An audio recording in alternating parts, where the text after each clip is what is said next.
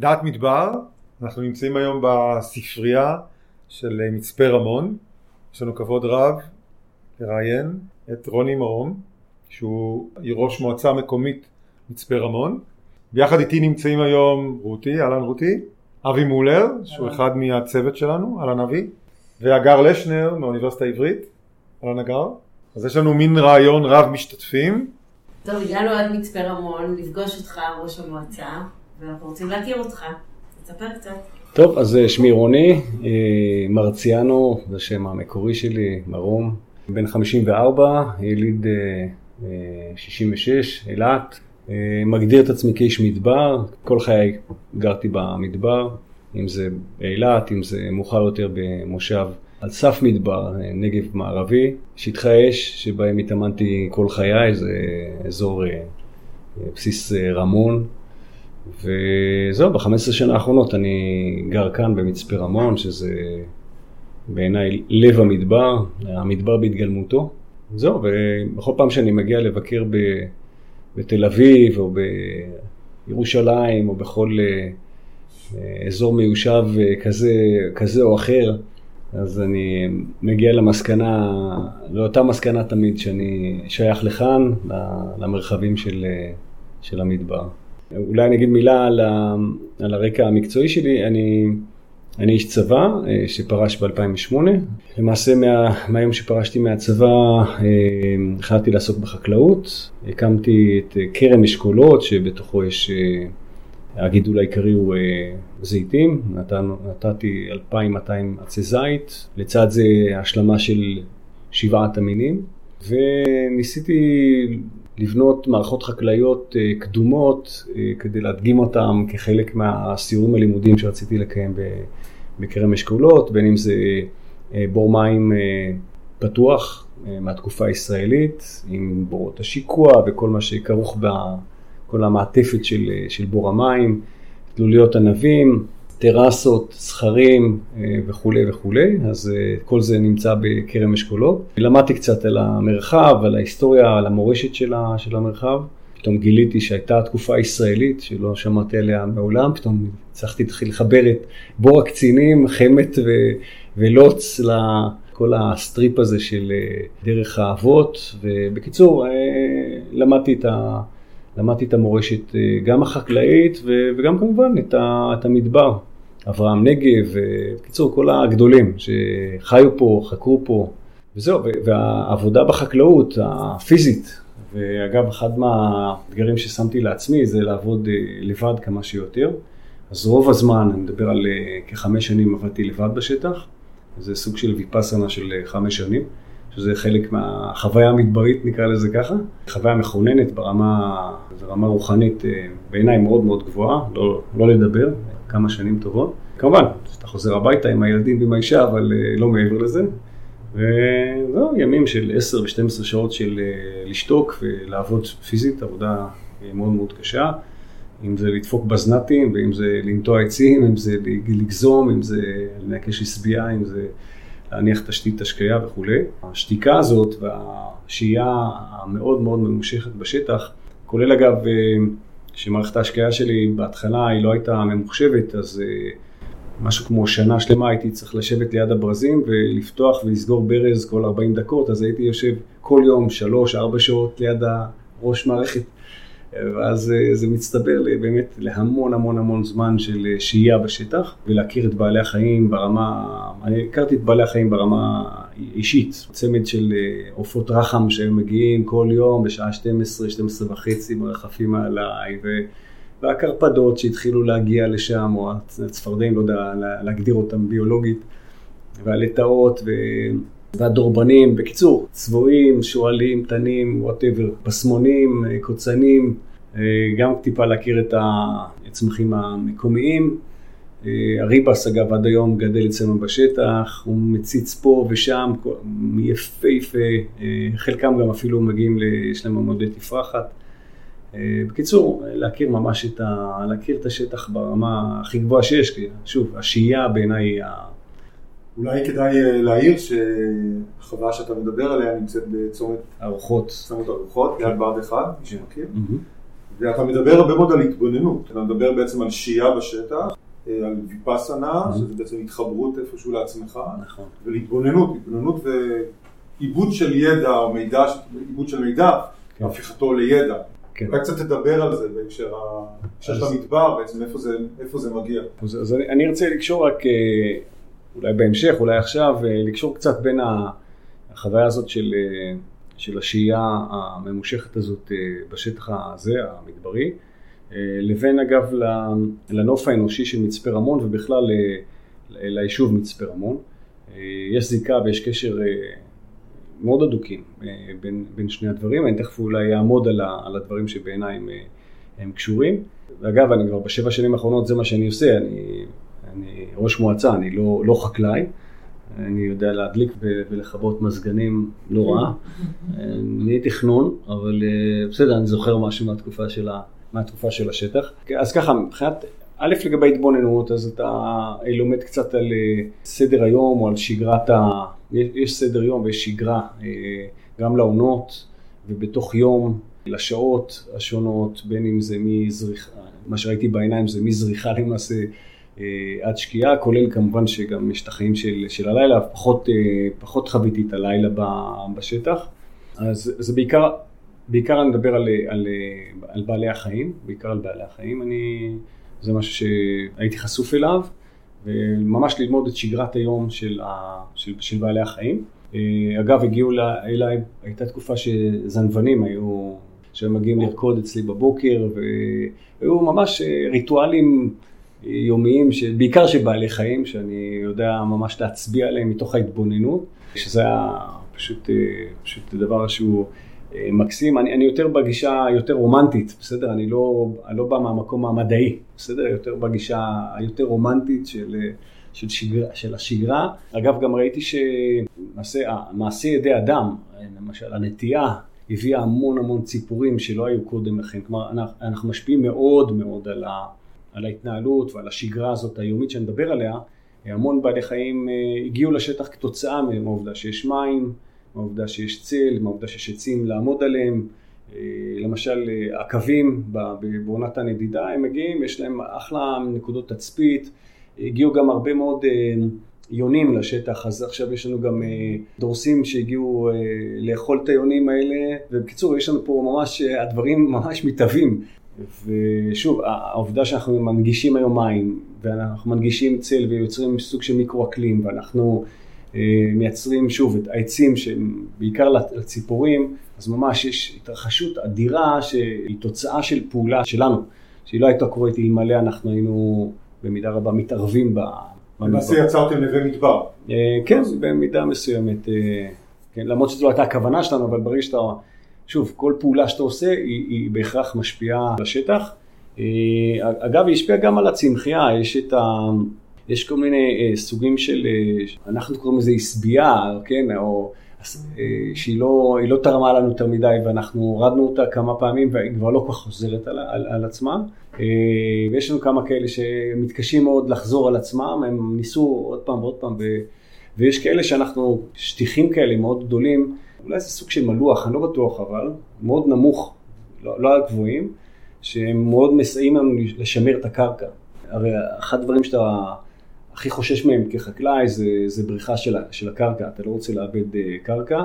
ושוב, אנחנו פה מדברים על המדבר, אז כשמגיעים מים, אה, אין מים, אבל כשמגיעים אז הם אה, ככה עושים עבודה טובה, ואתה לא רוצה לאבד את הקרקע. אז למעשה היום אנחנו, יש, יש הרבה סוגים של צמחייה מקומית שאנחנו משמרים אותה, כי היא מאוד מאוד עוזרת לנו, בעיקר בשימור הקרקע, אבל לא רק, זה מאפשר להרבה חרקים והרבה מאוד, אה, בעיקר חרקים להגיע, ואז אה, למעשה זה- יש איזה, זה, זה טוב לנו, זה תומך לנו את כל הקטע האורגני של, ה, של העצים, זה מאוד תומך בנו. למשל, כל ההדברה הביולוגית, אז למשל החיפושיות, אה, משה רבנו, אני לא יודע אפילו איך קוראים לזה, אז הם- אנחנו ממש מעודדים אותם להגיע, דרך זה הם מאוד אוהבים את ה... והם עושות עבודה מדהימה, פשוט עבודה יוצאת מן הכלל, אז, אז שוב, זה רק דוגמה אחת, אבל יש הרבה מאוד דברים שהם ביולוגיים, אנחנו נותנים להם לקרות מעליהם, כי אנחנו יודעים שאם נתערב מדי, אנחנו עלולים להפסיד מזה מאוד, אנחנו נצטרך לרסס וכולי. אגב, אנחנו לא מרססים בשטח, השטח הוא אורגני לחלוטין. שוב, כתוצאה מהעובדה שאנחנו הבנו מה צריך לשמר, אה, מה צריך לעודד אפילו במידה מסוימת, ואז זה, אנחנו שומעים על איזשהו איזון, איזון אקולוגי, אבל שוב, זה חייב להיות, הזכרת את המילה התבוננות. ההתבוננות פה היא קריטית. אם אתה לא קשוב, אם אתה לא מתבונן, אגב, יש בעברית, הרי זה יפה, יש להסתכל ויש להתבונן. להסתכל זה סכלות. מה שאתה רואה, זה לא, זה לא. להתבונן זה, זה, זה ב, מלשון בינה, להסתכל על משהו ולהבין אותו לעומק. זה, זה שני דברים שונים לחלוטין, להסתכל ולהתבונן זה שתי פעולות שונות לחלוטין. זה מחייב אותך לעשות פעולה של התבוננות, שהיא לא רק משך, היא גם הבנה של מה שאתה רואה וגם היכולת שלך להקיש דבר מתוך דבר ו- ו- ולייצר איזה מידע כלשהו או דעת, לייצר את הדעת. ולמעשה בעצם, אני מבינה אותך שבדבר הזה אתם באתם למקום של חוסר ידע, אבל נתתם נכון. למקום ללמד אתכם. נכון, נכון. בגלל, הודות להתבוננות. נכון, הזאת. נכון, ופה פה, אני חושב שבמידה רבה, אם דיברתי על ההתערבות של האדם בטבע, במקרה שלנו זה המדבר, אנחנו חייבים לעשות את הכל מאוד מאוד בזהירות, בענווה, ובמידה רבה גם ב- באיטיות. כי לקצב יש גם, אה, הוא משחק תפקיד מאוד, אה, מאוד דומיננטי, אפרופו התבוננות, אתה לא יכול להתבונן במשהו שחולף במאה קמ"ש מול העיניים. התבוננות היא מחייבת זמן, ולכן אני אומר קצב השינוי וקצב ההתפתחות וקצב הפעולות שאתה מבצע, זה חייב להיות איטי, כדי לקיים את התהליך הזה של ההתבוננות, הלמידה וההפנמה והיישום של מה שלמדת מתוך ההתבוננות. רק משהו קטן כן. שאותי מאוד אה, עניין. יש אה, מתח קבוע בין הרצון של חקלאי להגיע לשטח, לעצב אותו כדמותו, צרכיו וכולי, לבין מה שאתה אה, מציג בכל מילה שאתה אומר בעצם, שזו הבנה מאוד גדולה שנכנסת לאיזשהו מקום, שיש לו קיום מסוים, שיש בו חיים מסוימים, שאתה מגיע אליו במובן הזה כאורח, אתה מתבונן. איך בתהליך הזה של לעשות מקום, איך אתה הרגשת שהדיאלוג הזה הוא חלק מהעשייה שלך? זאת אומרת, איפה מצאת את עצמך נאלץ לקבל החלטות כאלה? איפה, הייתה איזושהי נקודה שבה קיבלת החלטה לעשות את זה באופן שאתה אומר? זה, כי זה מאוד יוצא דופן מהאופן שבו חקלאים אה, כן, עובדים לרוב. נכון. לא, ממש זה לא הראש. נכון, אני אגיד לך, קודם כל אה, אה, ניגשתי בכלל להקמה של כרם אשכולות לא כחקלאי, בסדר? אה, באתי מהמקום של יותר של לתקוע שורשים במדבר. אני רציתי לעשות מהלך שאומר אני כאן ואני כאן כדי להישאר, בסדר? זה, יש בזה גם אה, סוג של הגשמה של הרעיון הצ, הציוני, תכף נדבר על המדבר והנרטיב הציוני, אה, שזה קשר מאוד... אה, של הכיבוש, של ההתיישבות, של הפרחת השממה, יש פה תפקיד מאוד, במודע ולא במודע, אנחנו כולנו תוצר של מפעל חינוכי כלשהו ומורשת כלשהי שהיא גם משפיעה מאוד על הנושא של המדבר, אבל אני בהחלט עשיתי פה איזשהו מהלך שתפסתי אותו כמהלך של ציונות, של, של התיישבות ושל הפרחת השממה, זה, זה עוד מקום שממנו באתי, ובסוף זה החקלאות, החקלאות היא הביטוי של הרעיון הציוני, גם, גם יהודי במידה רבה, בגלל זה גם נתתי את כל שבעת המינים, רציתי לעסוק בהלכה חק... היהודית בחקלאות, רציתי להוכיח שכל שבעת המינים גדלים בכל מקום בארץ ישראל וכולי וכולי, היה גם את המוטיב של הזהות היהודית שהוא גם משחק פה תפקיד, אבל בסוף הביטוי של זה, או הדרך שלי לממש את זה, הייתה דרך, ה... דרך החקלאות. אז לכן, אני חושב שנקודת המוצא היא בכלל, היא כל כך שונה ש... אני מראש באתי באמת ממקום אחר לגמרי, לא באתי לגדל עגבניות ולהקים את החממה ו... ולייצר כמה שיותר טונאז' לחו"ל, זה לא הסיפור. הוא בא ממקום, כמו שהזכרתי קודם, קצת יותר רומנטי, קצת יותר אידיאולוגי, פחות, פחות חקלאי. והזכרתי גם קודם שהקרן הזה, מלכתחילה כשהקמתי אותו, אני חושב שגם בכלל חקלאות באופן כללי, אבל בפרט חקלאות במדבר, אם אין לה רגל אחת שהיא עוסקת בתחום שהוא איננו החקלאות עצמה, כי בסופו של דבר החקלאות פה היא לא מקיימת. היא לא מקיימת את עצמה. זה נדיר שחקלאי יצליח להתפרנס מהחקלאות שלו, ובפרט בנגב. ולכן אתה חייב למצוא את הדרך להפוך את המיזם שלך למיזם שהוא עומד בפני עצמו מבחינה כלכלית. ואני חושב שכל מיזם חייב לשאול את עצמו, כשאלה ראשונה, האם אני מסוגל להחזיק את עצמי? כי שוב, על הון עצמי ועל תרומות, זה נחמד, אל תתחיל. אם אתה לא בונה משהו שמסוגל להחזיק את עצמו, אז חבל, חבל על המאמצים, ככה אני חושב. ו, ושוב, המיזם הזה, מלכתחילה בניתי אותו באופן שבו הוא יהיה יותר שדה למידה, מקום שאנשים מגיעים אליו כדי ללמוד. ושוב, אפשר ללמוד הרבה, או על מדבר, או על חקלאות, או על מורשת היסטורית, או על הלכה יהודית בחקלאות, על המון דברים, על ציונות, או על הכל ביחד. זה הסיפור של אה, שדה הלמידה, אשכולות, גם קראתי לזה אשכולות, זה אשכול של, של המון המון דברים אה, כאלה. אה, וזה היה הרעיון, הרעיון לייצר מציאות שבה אנשים מגיעים, מקיימים, אני יכול לקיים סיורים מודרכים, וזה היה מקור הכנסה שאמור לסגור את התוכנית הכלכלית באופן שבו המקום מחזיק מחזיק את עצמו. זה יכול להיות uh, תרבות יום א' לצוערים מבה"ד 1, זה יכול להיות, בניתי תוכנית כלכלית בקיצור שיודעת, שוב נקודת המוצא שלי הייתה אחרת לחלוטין, ולכן הייתי יותר פתוח ויותר קשוב uh, ביחס לחקלאי שבא לעשות כסף מה, מהאדמה. אני, החקלאות היא, היא משנית מבחינה כלכלית ולכן אני הייתי הרבה יותר גמיש. כי מלכתחילה זה לא, אני ידעתי שזה לא המשאב הכלכלי שלי. לא החקלאות היא המשאב הכלכלי, היא הסיפור, היא הדרך להתחבר לקרקע, היא הדרך לממש רעיונות אידיאולוגיים אחרים, אבל החקלאות היא לא, היא לא הנקודה, בסדר? אז אני מקווה שעניתי לך במידה מסוימת. כן, אוקיי. כשהמוטיבציה שונה, אז התוצאה צריכה להיות... נכון, נכון, למשל, תחת דוגמה, בסדר? כשהגיע הגריידר לפרוץ את כל הדרכים, ואחר כך גם לחרוש את אה, פסי הנטייה, כי היה לי חשוב מאוד לשמור על המרקם של הקרקע.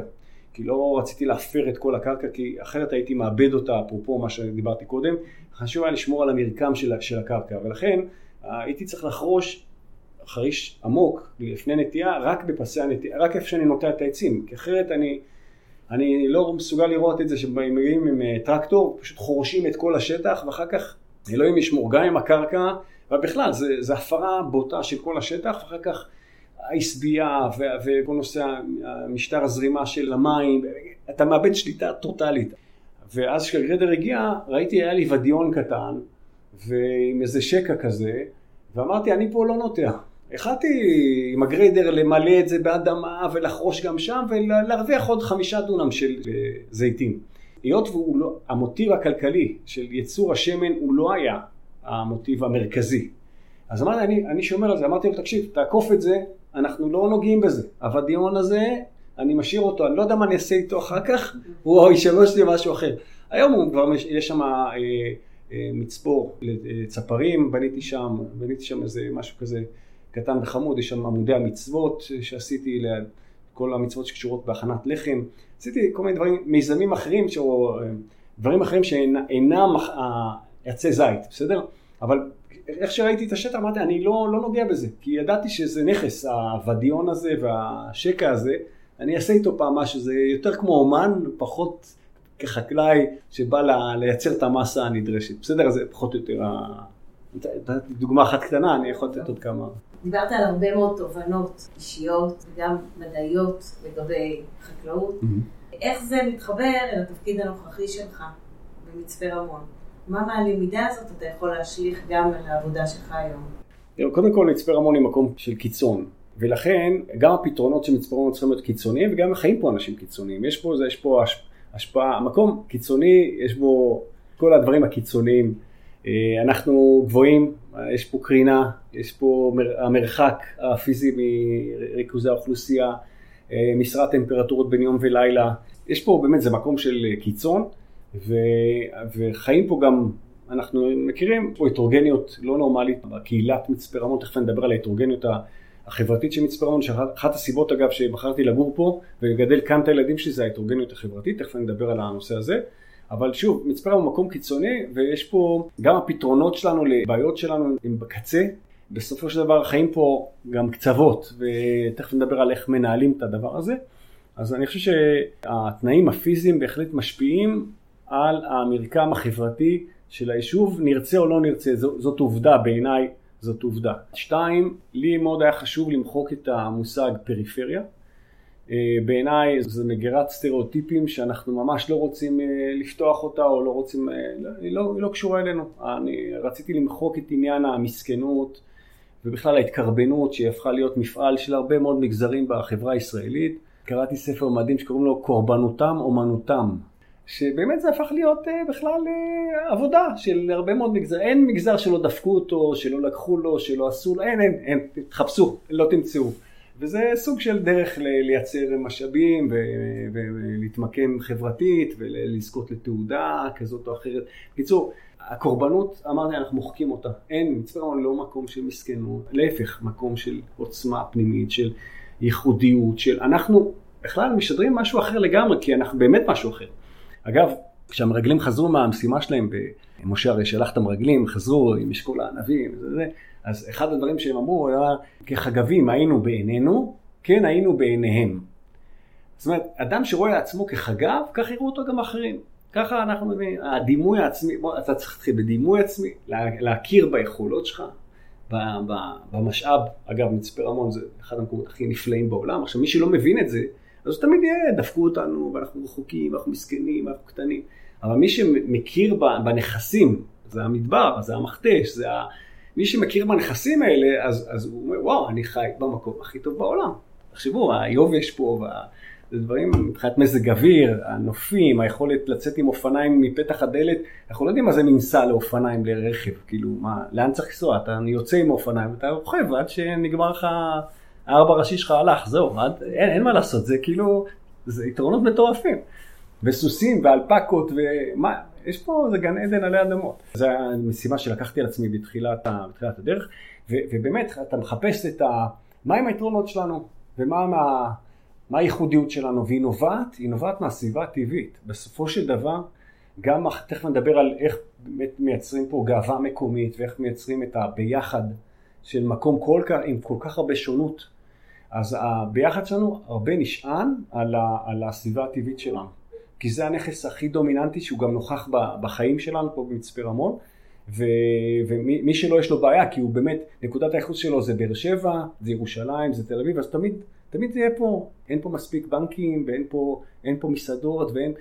אבל שוב, מהי נקודת הייחוס? מה... צריך להכיר בנכסים שלך, ביתרונות שלך, ב... ואותם מחזק, גם בחינוך, גם בחיים. חיזוק חוזקות, יש לך חוזקה, תחזק אותה. זה בעסקים זה נכון, כאילו זה, זה דרך חשיבה.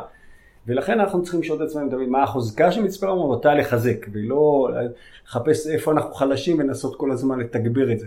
זה טעות אה, נוראית בכל היבט.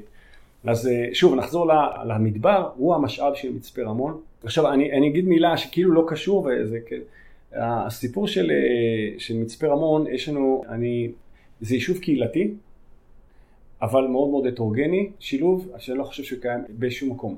בדרך כלל יישובים קהילתיים, מי, מי כמוך יודע, המדרשה, תלכו לאלעד, תלכו ל... לא משנה, לאיזה יישוב, דתי, חילוני, יישובים קהילתיים, יישובים מאוד מאוד הומוגניים מבחינה חברתית. ואנחנו יודעים גם, ב, גם בצמחייה, זה מקום שהוא אחד, חד מיני, זה לא עובד. אנחנו צריכים פה הרבה הרבה הרבה כדי שזה יתמוך את זה, יתמוך את זה. בסוף זה לא בריא. אני גם רציתי לגדל את הילדים שלי במקום ש... שהוא הטרוגני מבחינה חברתית. אגב, כולם מדברים על לקבל את השונה, הם לא אף פעם פוגשים אותו. אולי באוהל 12, אולי, אולי. אם הולכים 8200 גם זה לא יקרה. בסוף מדברים על קבלת השונה. בואנה, לחיות את השונה, זה כל הסיפור. והמיומנות החברתית בעיניי, של היכולת לתקשר עם השונה ממך, זה המיומנות, המיומנות הכי חשובה בחיים, בעיניי. יותר מהשכלה, יותר מהכל, בסוף היכולת לך לתקשר עם אנשים. ואתה פוגש מה לעשות אנשים שהם שונים ממך בשפות שונות ואתה צריך לדעת לתקשר עם אנשים, בעיניי זו המיומנות החשובה ביותר. וילד שגדל במצפה רמון זכה במתנה הגדולה ביותר. הוא יודע, הילדים שלי, יש לי תאומים בני 18, הם גדלו במצפה רמון בגיל שנתיים, עברנו מכמורת לך. הם רוסים, הם ערסים, הם עבריים, הם בדואים, הם שרואליסטים, הם הכל, הם הכל. למה? כי הם גדלו במצפה רמון, ובעיניי ההטרוגניות, הקהילתיות מצד אחד וההטרוגניות מצד שני, שזה באמת דבר מאוד מאוד מאוד אה, מיוחד, ואנחנו ממש רוצים לטפח את הדבר הזה. והאסטרטגיה החברתית של מצפה רמון היא כור ההיפוך, ככה אני קורא לזה. כור ההיפוך אומר שלושה דברים, יש לנו שלוש שכבות, עוגת שלושת השכבות. השכבה הראשונה היא השכבה של חיזוק קהילות המשנה. כלומר, יש שונות, חזק אותה. למה? כי כל דבר שונה פה, כל קהילה, יש לה את היתרון היחסי שלה ויש לה מה להביא לה לקדמת הבמה החברתית שלנו, יש לה ערך מוסף, שאותו אנחנו רוצים לחזק ולשמר. ולכן אנחנו דווקא, כאילו זה הפוך מה... איך מייצרים אה, קהילה אחת, לא, קודם יש קהילות משנה, השונות היא חשובה והיא טובה והיא נכס, אנחנו מטפחים אותה ואנחנו מחזקים את קהילות המשנה, אחת הדוגמאות הבולטות ביותר זה העובדה שאנחנו פחות משכונה בעיר ויש לנו ארבעה בתי ספר יסודיים, איך זה יכול להיות? זה לא הגיוני, אבל זה הנקודה, אבל זה לא רק זה, יש עוד הרבה פעולות שאנחנו עושים כדי לחזק קהילות משנה, פעם אחת. השכבה שמעליה היא יצירת נקודות מפגש בין האנשים, זה יכול להיות פיזיות בשטח, שבנינו פה הרבה מאוד מתקנים שמשרתים את כל היישוב, ואנשים פשוט נפגשים שם, קורה בין אנשים מה שקורה בין אנשים, אתה לא מנהל את זה, זה לא אינטגרציה של הגימנסיה הרצליה בתל אביב, זה משהו שהוא הרבה יותר טבעי, אבל אתה מייצר את נקודות המפגש, ומשם ואילך מתנדבים, פעילויות, קורס לנשים אחרי לידה, אה, מתנ"ס, סיורים משותפים, סובב רמון, פתוח לכולם, לצורך העניין אתה מייצר נקודות מפגש של הקהילות השונות. והדבר האחרון חביב זה החזון והערכים המשותפים ליישוב, כאשר, ואני חוזר שוב לנקודה הזאת של הסביבה הטבעית, הסביבה הטבעית היא הפלטפורמה שלנו לחינוך הסביבתי, שאנחנו משתדלים לעשות את זה כמה שיותר בבתי הספר, וכששואלים מה זה מצפאי, אז זה ילדים, אנחנו עושים את זה בצורה יזומה, הם מציירים יעלים, הם מציירים נחשים, הם מציירים, הם מציירים חוגלות, הם מציירים את, את הסביבה הטבעית שהיא נוכחת בחיים, אנחנו מנסים להנכיח את זה כמה שיותר בחיים של, של התלמידים שלנו, יש בתי ספר שיותר קל לנו, יש בתי ספר שפחות, אבל בסוף בסוף כשאתה שואל מה זה מצפאי, הוא לא יכול שלא להסתכל פנימה או החוצה, לא משנה לאן, ולהתייחס למדבר שבו אנחנו, שבו אנחנו חיים. הזכרתי קודם את הנושא של הרעיון החלוצי ציוני, של הכיבוש, של הפרחת השממה וכולי. אז אני חושב שהמדבר במידה רבה הוא בדיוק הפלטפורמה לציונות 2020. בסדר? הציונות כאילו, יש כאלה שהם אומרים, טוב, פוסט ציונות, היה לא, לא רלוונטי, זה, יש כאלה שזה עדיין מפעים בתוכם ומאמינים ברעיון הציוני. אני שייך דווקא לאלה שמאמינים וחיים את הרעיון הציוני. ואני חושב שבאמת המדבר הוא, הוא באמת הפלטפורמה לרעיון הציוני, כי הוא שוב, הוא מקום של ריק, של אין או של קושי. ואנחנו, אני חושב שזו פלטפורמה נפלאה לפעול בתוך האין או הקושי. ואגב, קושי זה בונה. זאת אומרת, אי אפשר לצמוח בלי קושי. והתרבות המער, המערבית, תרבות הצריכה המערבית, היא תמיד לוקחת אותנו לנוטלה. הכל כזה, כמה שיותר נוח, כמה שפחות תתאמץ, אבל זה לא, זה לא בונה, הקושי הוא בונה. ואפרופו הנושא של הקיצון, אז, אז כמו שאנחנו יודעים גם במינים של בעלי חיים, חרדון, תיקח חרדון, תיקח לא יודע מה, אנחנו דיברנו על זה אז בזמנו. שים אותו בקצה, אפרופו הנושא של פריפריה, דיברתי על זה קודם, אני קראתי לזה ספר המדבר. אם אתה שם בעל חיים בקצה, קצה של גבול המחיה שלו, אז הוא יהיה הרבה יותר טוב מזה שחי במרכז של אזור המחיה, כי הוא מתמודד עם קושי, עם מחסור, עם, אה, עם קושי שהופך אותו ליותר יותר מהיר, יותר מסתווה יותר טוב, יותר, אה, הרבה יותר אה, משוכלל נקרא לזה ככה, כי הוא, הוא מתגבר על, על קושי.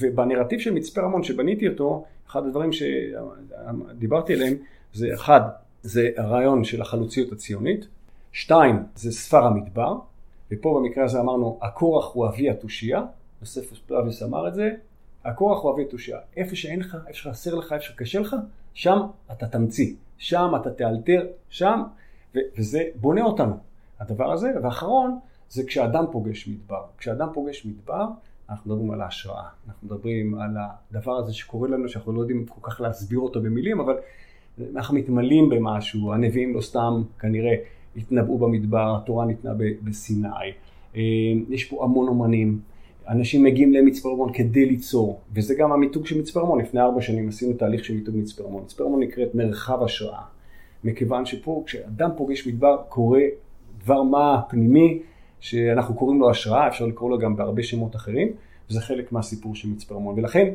אם ניקח את נרטיב מצפה רמון, כל כולו מדבר.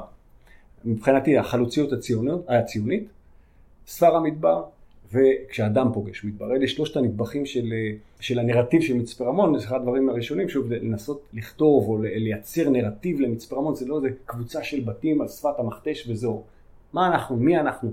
והיום תשאלו, תלמידים בבתי הספר, אני מנסה להנחיל כל תושב מצפה רמון, דרך מערכות החינוך בעיקר, מה הסיפור שלנו? מה זה, מה זה הזהות הזאת שנקראת מצפאי? מה זה מצפאי? הם יודעים להגיד לכם, לכם את שלושת הדברים, שלושת הנדבכים שהם הסיפור של מצפה רמון, בסדר? והם כולם, כולם קשורים באופן הדוק למה שקרוי מדבר. זהו פחות או יותר על הסיפור של אה, מצפה והקשר של המדבר, אבל אה, זה משהו שאי אפשר לנתק אותו, כלומר זה... אולי אתה יכול לשים את הדגש באמת על מה הדבר שאתה מתמודד איתו ביום יום הכי הרבה, וגם קצת לגבי איך אתה רואה את מצפה רמון בעתיד. תראו, קודם כל אני, אני רגע קופץ רגע דווקא לתיירות.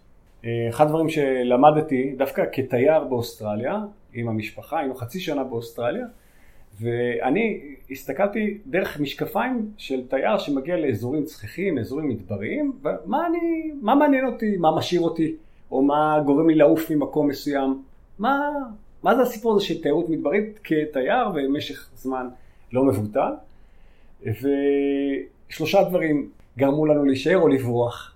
מה שהשאיר אותנו במקום מסוים זה היה שהיה שם גוף מים, וצל. זה שני דברים שאם אינם, אתה לא, לא יכול להיות שם. אתה פשוט לא יכול להיות שם. אנחנו לא, לא לטאות, אנחנו לא, ההסתגלות שלנו למקום שאין בו צל או, ואין בו מים, זה, זה, זה בעיה בעיניי, בטח כתייר שבא ליהנות. אני גם חושב שבכלל לשהות במקום, לחיות במקום, זה שני תנאים שאם הם מתקיימים, אני חושב שהשהות במקום הופכת להיות אנושית, בסדר? אני אקרא לזה ככה, ואפילו אפילו מעבר לזה, ממש מענגת ו- וכיפית.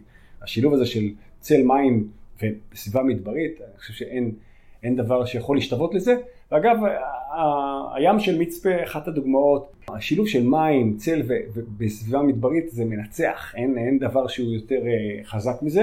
למה אני הזכרתי את זה? כי זה אחד הדברים שאני מאוד רוצה לייצר במצפה רמון, זה דווקא את ה... לייצר צל ולייצר אה, גופי מים, שאנשים יוכלו לבוא למצפה רמון כל ימות השנה ויהיה להם את גופי המים. אה, הבעיה שאנחנו חיים במדינה שהיא הפכה להיות אמריקאית, במובן הזה שהמדינה כאילו לוקחת אחריות מה, מהאזרח. אז אני אומרת, אתה עלול לתבוע, אז כדי שלא תתבע ותתבע אותנו, אז אנחנו, אנחנו לוקחים את האחריות עלינו. במקום, והאוסטרלים אגב עושים משהו הפוך. זה מאוד מסוכן, תהנה. על אחריותך. אתה עלול לטבוע, אתה עלול ליפול מהעץ עם סולם כזה של 60 מטר כזה, בלי, בלי להיות קשור, בלי כלום. אתה תעשה מה שאתה רוצה, הכל טוב. יקרה לך משהו חבל, אבל, אבל uh, זה אחריותך, ו, וזהו, ותהנה. אני, אחת התוכניות שלי אגב הייתה לחפור פה uh, uh, חמישה uh, גבים מלאכותיים סביב מצפה רמון במרחק של הליכה של חמש-שבע דקות או אופניים. מעטפת של מצפה רמון של, תחשבי, חמישה גבים מלאים במים כל השנה, איזה כיף. אני רואה מה, מה באמת הים של מצפה וגב ילק עושה ליישוב שלנו, זה דבר uh, מטורף. אני חושב שהתנאים האלה של צל ומים, בעיניי הם, הם, הם, הם אקוטיים. זהו, אני מקווה שאנחנו נצליח בעניין הזה. אני אגב, אני עכשיו בהכנות לקראת, uh, אני רוצה למלא את הים של מצפה, כדי למשוך עוד חודש, חודשיים של, uh, של מים. זאת אומרת, יש לנו כבר משהו, אני אנסה, כבר יצרתי קשר עם מקורות. אני מוציא עוד מעט הזמנה לחיבור למים, ואני רוצה למלא את הים של מצפה. עד, עד כדי כך שתבינו, אני, אני ממש, אני עובד בזה.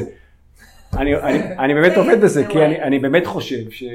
שוב, זה, זה אחד מהתנאים לה, גם לכלכלה המקומית וגם לנו כתושבים, אה, לחיות באזור כזה צחיח ומדברי.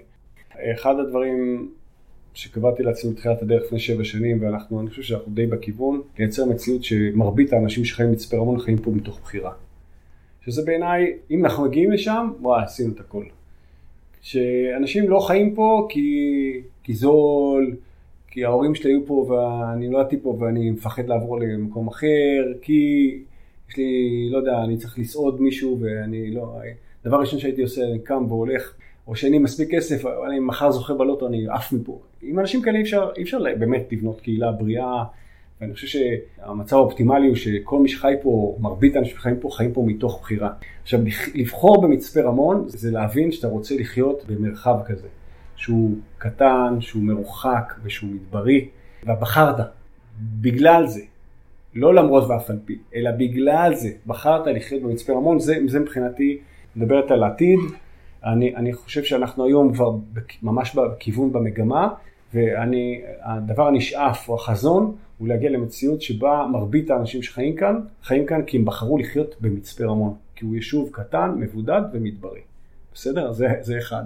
דבר שני, לי מאוד חשוב לשמור על הקוטן של היישוב. אני חושב שאנחנו צריכים להגיע סדר גודל של בין עשרת אלפים, גג חמש עשרה אלף תושבים, לא יותר מזה. אני חושב שיש יתרונות אדירים, חברתיים בעיקר, ליישובים קטנים. אפרופו הנושא של ההתערבות וכולי, אני, אני חושב שמצפה רמון אסור לה לגדול מעבר ל-10,000, 15,000 תושב. זה להכפיל את... כן, אבל התוכניות שלנו אגב, מרביתן הן בנייה בתוך היישוב. יש לנו המון שטחים מתים בתוך היישוב, אני, אני חושב שזה, בכלל, בנייה מדברית חייבת להיות צפופה. כי אתה צריך להגן על עצמך מהחול, אתה צריך לייצר צל. ליהנות מהצל של השכן שלך. בדיוק, אתה, אתה רוצה ללכת ברחוב ואתה רוצה להיות נוצל, ועכשיו יש סופות חול, ויש שמש, ואתה מצטופף. עכשיו, ממילא הקרקע היא מליחה, ולך תתחיל עכשיו גינה של, אנחנו לא רמת השרון, דשא, אין דבר כזה, מה זה דשא? מה זה דשא מצפה רמון? זה כמעט לא... תכף נדבר על האתגרים שלנו פה כרשות מקומית, על היעלים ועל האדמה המליחה ועל ה... יש לנו פה אתגרים מפה עד חדשה בקשר לגינון, כי אנשים, יש להם ציפיות, הם... לך תסביר לאנשים שהקרקע לא מאפשרת, או שיש לנו בעלי חיים שלא כל דבר אתה יכול לנטוע פה, מחר בבוקר הם לא עושים לך את כל מה שנתת בעמל רב. אה, אגב, מבחינה כלכלית, החלום שלי זה לייצר מציאות שבה יש לנו, מעבר לענף הכלכלי היחידי שהיום אנחנו נשענים עליו, שהוא התיירות, לייצר עוד ענף כלכלי. לא נכון להישען רק על ענף אחד באופן כללי, בטח לא תיירות, שהוא ענף מאוד תנודתי, מאוד רגיש, ואנחנו לא, לא צריכים יותר מלהסתכל על המציאות כדי להבין שזה מאוד מאוד מסוכן, ואני הייתי מאוד שמח שמצפה רמון תישען על עוד ענף כלכלי, שהוא איננו תיירות. שהוא יכול להיות אה, שירותים מרחוק, יכול להיות אה, מה שקרוי הייטק, אבל בתוך זה כל העולם, זה עולם ומלואו, אבל בסופו של דבר זה, זה העתיד של מצפרון בעיניי, ולשמר את כל מה שקשור לאומנות ולתרבות, כי יש פה נגן אוד ויש פה דברים ששוב, המדבר מזמן, לא יודע, או אומנים כאלה, זה, זה, המדבר מזמן אנשים לשהות כאן, ליצור כאן וכולי, אז אני חושב שזה חלק, מה, חלק מה, מהצבע שלנו כיישוב מדברי. זהו, האתגרים שלנו הם, אה, הזכרתי קודם את הגינון, הקרקע שהיא גם חלקה גדול אה, מליחה מאוד, דלה מאוד, אתה חייב להשקיע לא מעט בדישון או קומפוסט, אה, יש לנו את היעלים שהם תושבות מצפה רמון, הן אוהבות ירוק, אבל הם שוב, הם חלק מהיישוב ואנחנו צריכים להתנהל באופן שבו יכולים לנטוע וליהנות מירוק ועדיין בסביבה שהיא אנושית, נקרא לזה ככה. בצל, ודיברנו על כל מה שהיינו רוצים שיהיה, אבל יחד עם זאת, יש לנו פה הרבה מגבלות, ואנחנו צריכים איכשהו, איכשהו למצוא את הדרך אה, לאפשר את זה לצד זה, וזה בהחלט אה, אתגר מאוד גדול. אה, זהו, לגבי התכנון הסטטוטורי של מצפה רמון, נדבר לאן נתרחב וכולי, אז הזכרתי שהמדיניות שלנו היא לבנות בתוך מצפה רמון לפני שגולשים החוצה. יוצא מן הכלל עכשיו זה שכונת נוגה, שנבנית עכשיו, אבל אה, בני ביתך אי אפשר לבנות בתוך היישוב, ואנחנו היום, שוב, אנחנו, התוכניות שלנו הן כולן מופנות פנימה, לבנות בתוך היישוב. הזכרתי את הנושא של הציפוף, יש בזה גם היגיון מסחרי, חברתי, מכל היבט שהוא, וגם יש תשתיות קיימות ואין שום סיבה בעולם לגלוש החוצה, אלא פשוט להכפיל את היישוב בגבולות הקיימים של היישוב. זה, זה הרעיון של מצפה רמון. ואני גם לא נבהל מבנייה רוויה, אני חושב שבנייה רוויה היא דבר חשוב. לא הכל צריך להיות וילות צמודות קרקע, זה לא נכון בעיניי, ולכן אנחנו גם מדברים על בנייה לא רק בתוך היישוב, אלא גם תמהיל של רוויה, סמי רוויה ופרטית. יש פה תמהיל שאנחנו רוצים מאוד לשמר אותו, אנחנו לא, לא שכונת וילות, אלא יישוב שיש בו תמהיל של אה, בנייה כזאת אה, או אחרת. אה, רוני, המון המון תודה על השיחה הזאת. אז להזכיר לכם, כל התוכניות שלנו נמצאות באתר מדבר.org, אפשר לעקוב אחרינו גם בספוטיפיי, גם באייטיונס. תעקבו אחרינו, תודה.